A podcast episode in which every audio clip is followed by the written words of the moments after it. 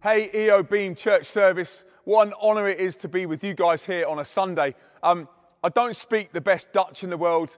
Uh, I, I, said Goeie handen in the lucht one time, and a man threw a dog up in the air because I said throw your dogs in the air instead of hands in the air. So I'm not the best at it, but we love coming to Holland. We love coming to the Netherlands, and we miss you guys like crazy. Now, LZ7, before coronavirus, you'd find us in high schools all across the place. We've been to some in the Netherlands, and it looks a little bit like this. Now, obviously, coronavirus has happened, so we haven't been able to do the high school stuff. We haven't been able to do the tour stuff. In fact, everything we've done has suddenly jumped online like it has with you guys here. Normally, you'd see us on, on tours with people like Jason Derulo playing EO Youth Day, and it looks a little bit like this, like it's, it's one big celebrate party kind of vibe. That's the point. The reason we do this is because we want to raise a platform to tell as many young people about the amazing news of Jesus. So we go into high schools, we do all that kind of stuff, and then we go on big tours with big artists so that we can create the biggest platform to tell as many people about Jesus. My friends at EO have asked us to take your service today and speak to you guys, and I'm going to speak about this verse in the Bible. It's Matthew 18, verse 12, and it says this What do you think? If a man owns a hundred sheep and one of them wanders away, Will he not leave the 99 up on the hills and go look for the one that wandered off? And if he finds it, truly I tell you, he's happy about that one sheep than he is about the 99 that did not wander off. In the same way, your Father in heaven is not willing that any one of these should perish. That means die in English. Um, I don't know what it's been like for you guys in coronavirus and whether you felt like lockdown has been a tough time. But for us guys in England, just like it is in Netherlands, we've had these restrictions and things put on us, right? So one day I took my little boy out on, on, a, on a boat and we were going down the river and he really wanted to jump in. I started to tell this story about the, the stuff that's in the river makes you go mad. He starts looking at me like, what? And his sandwich falls out of his mouth. And as he sat there, really interested in the story, I sit there and I said, yeah, so one day daddy got this mad disease. And he, he was like, really? I said, yeah, I got, and if I get close to this disease, it means I go crazy. Jack, my little boy, is staring at me. As he's staring at me, I start looking out of the boat. Bah! And I screamed at him, and Jack went straight over the back of the boat into the water. His dream came true. He's in the drink, but he's splashing about. I go bounding over the boat, grab him by his buoyancy aid, and pull him back in to the boat. Why did I do that? For some people, coronavirus has been a bit of a shock. It's been a bit hard. But I know that I'm a dad, so I go after my boy to get him out of the drink where he's swimming out of his depth, hopeless. There's stuff going on in the world. There's, there's people feeling like they're drowning right now. I believe that God goes after the one. Just like I went after Jack, God goes after the one and brings you back in, back in the boat. When um, we've been on tour, we, uh, we launched our first single in 2010 and it sent us across the world to a country called New Zealand. We walked into this school. As we start to take our school lesson, the teacher comes up and she says, Yo, Lindz, I've Googled LZ7. Like, I like what you do you, you guys are fun, like you do schools and prisons. And I said, yeah. And she said, but there's one thing that's different between you and other bands, isn't it? I said, well, what's that then, miss? She says, well, you lot are Christians. I say, yeah, yeah, it's like, don't get it twisted. We're not a Christian band. We're Christians in a band. Like, there's a slight difference. Like, I'm not a build a little fire. I'm not going to get my little Bibles out. I'm not going to get a little guitar out and start singing some, some, some hymns or anything. I won't get my big Bible out and hit the kids over the head. And she said, no, no, no, that's cool. She said, but if you mention your faith in my school, I'll call the police. What? Serious?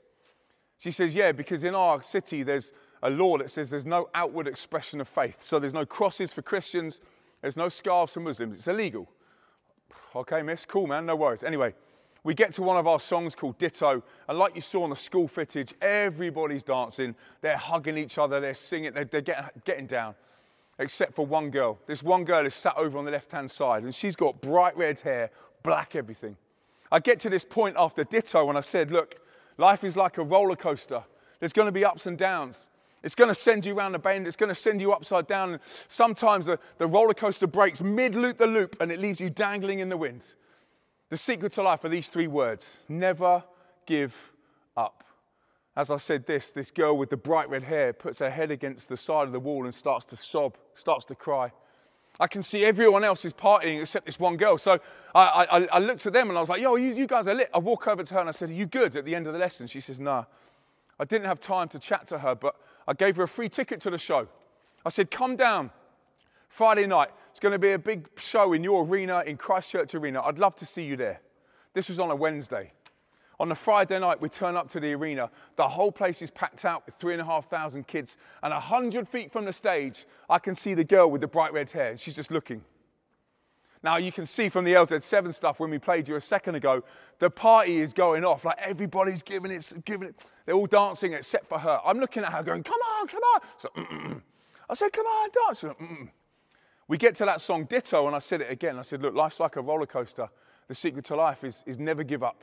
Keep breathing. Someone's got a plan for your life. Whatever you've been through, whatever people have said about you, whatever's been done to you, I'm a church boy.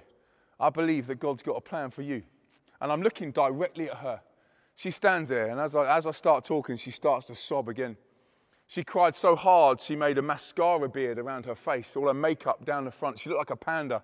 I said to our, our guy on the side, I said, Joe, do me a favor, run into the arena, go get the girl with the bright red hair. She's got makeup all over her face. Bring her to the side of the stage. I'd love to find out what's going on. He goes off into the arena. He comes back, and we come off stage dripping with sweat. And in the side of the arena, it's, uh, it's dark and it's bright white on the stage. The next band goes on. And I walk off the side of the stage and I talk to this girl. I was like, Yo, are you all right? She goes, Nah, you messed up my plans. What do you mean I messed up your plans? Everybody's raving. What are you talking about? She goes, No, no, you don't understand. You came in my school on Wednesday. You, you did the music, and boom, something hit me like a train. She said, I, I, don't even like your music. I said, I know, I can tell. She was kind of that. And, and I was like, Yeah, cool. But she said, There's something about it. I had to come down tonight. You did it again. You turned the music on, and boom, something smashed me like a train. I said, I, I can see that. She said, I can't stop crying. She said, You told me that God's got a plan for my life, whatever's happened to me, whatever people said about me. She said, uh, And I said, Yes, so how have I messed up your plans? She says, Well, I went home on Wednesday and I looked in my diary and I'd set a date to jump off the roller coaster of life. I said, When was that? She says, Tonight after the show. I said, What does that look like to a 14 year old girl? She puts her hands in her pocket. She gets out 160 pills. She gets out two blades and then pulls her sleeves up to show me where she'd been cut. And she didn't have a, a space left. She got out two notes, one for her mum and one for her dad, and she said, uh, This is what it looks like for me.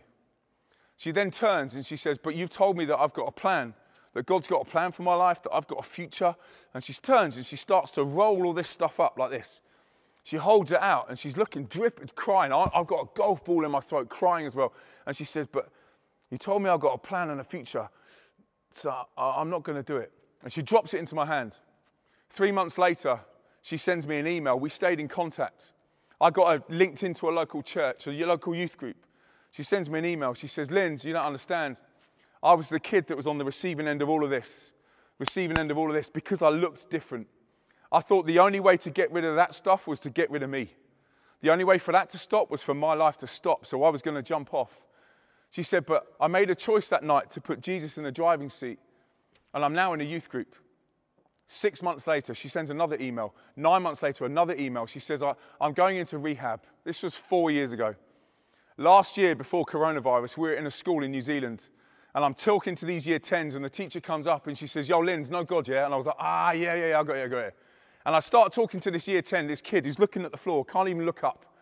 His girlfriend next to him, bright blonde hair, blue eyes, she stood and she's just bouncing around and he's not talking. So I walked over and I gave him a ticket. The girl next to him with the arm round, boyfriend, girlfriend, I said, Yo, you, you good? He says, No. And I says, Oh, you, you chilling with your girl though? As I start talking to her, she looks up. She says, Lindz, do you remember me? It's like, Nah. She says, It's Caitlin. In my head, I walk over to get some water and I think, Caitlin, Caitlin, Caitlin. Who's Caitlin? Holy smokes. You're the girl with the red hair. She says, Yeah, yeah, you came in my school three years ago. She says, The first time I've worn a t shirt because all my scars are healed up. I was like, No way, Ken, that's amazing. I was almost crying straight away. She turns to, I turned to her boyfriend and I said, Yo, this is your boyfriend, yeah? She goes, No, no, no, Lindz, don't get it messed up. He's in year 10, I'm in year 13. I'm part of the pastoral care team that's now taking the year 10s through the same stuff that I went through when I was in year 10. You see, Caitlin had this line in the sand moment where she decided that her past was done, her future's yet to come. God had gone after the one, left the 99 so that no one should die, no one should perish. He went over the boat like I did for Jack, pulled her back in, and saved her life. But she had to choose. Maybe there's some people here today that have been on the receiving end of this and you're watching this and you're feeling like Caitlin. Maybe you're feeling it on the inside and you're expressing it on the outside. Maybe you've been thinking, I might give up on life. Maybe this is your opportunity right now to say, I'm not giving up. I'm putting Jesus first. Jesus is coming over the boat to grab you right now. He's left the 99 and going after the one. And maybe that one is you. All you have to do is choose. My name is Lindz. I'm in the band LZ7. Thank you for listening to me. I really appreciate it. Please make that choice to put Jesus in the driving seat. It will change your life. Peace and love.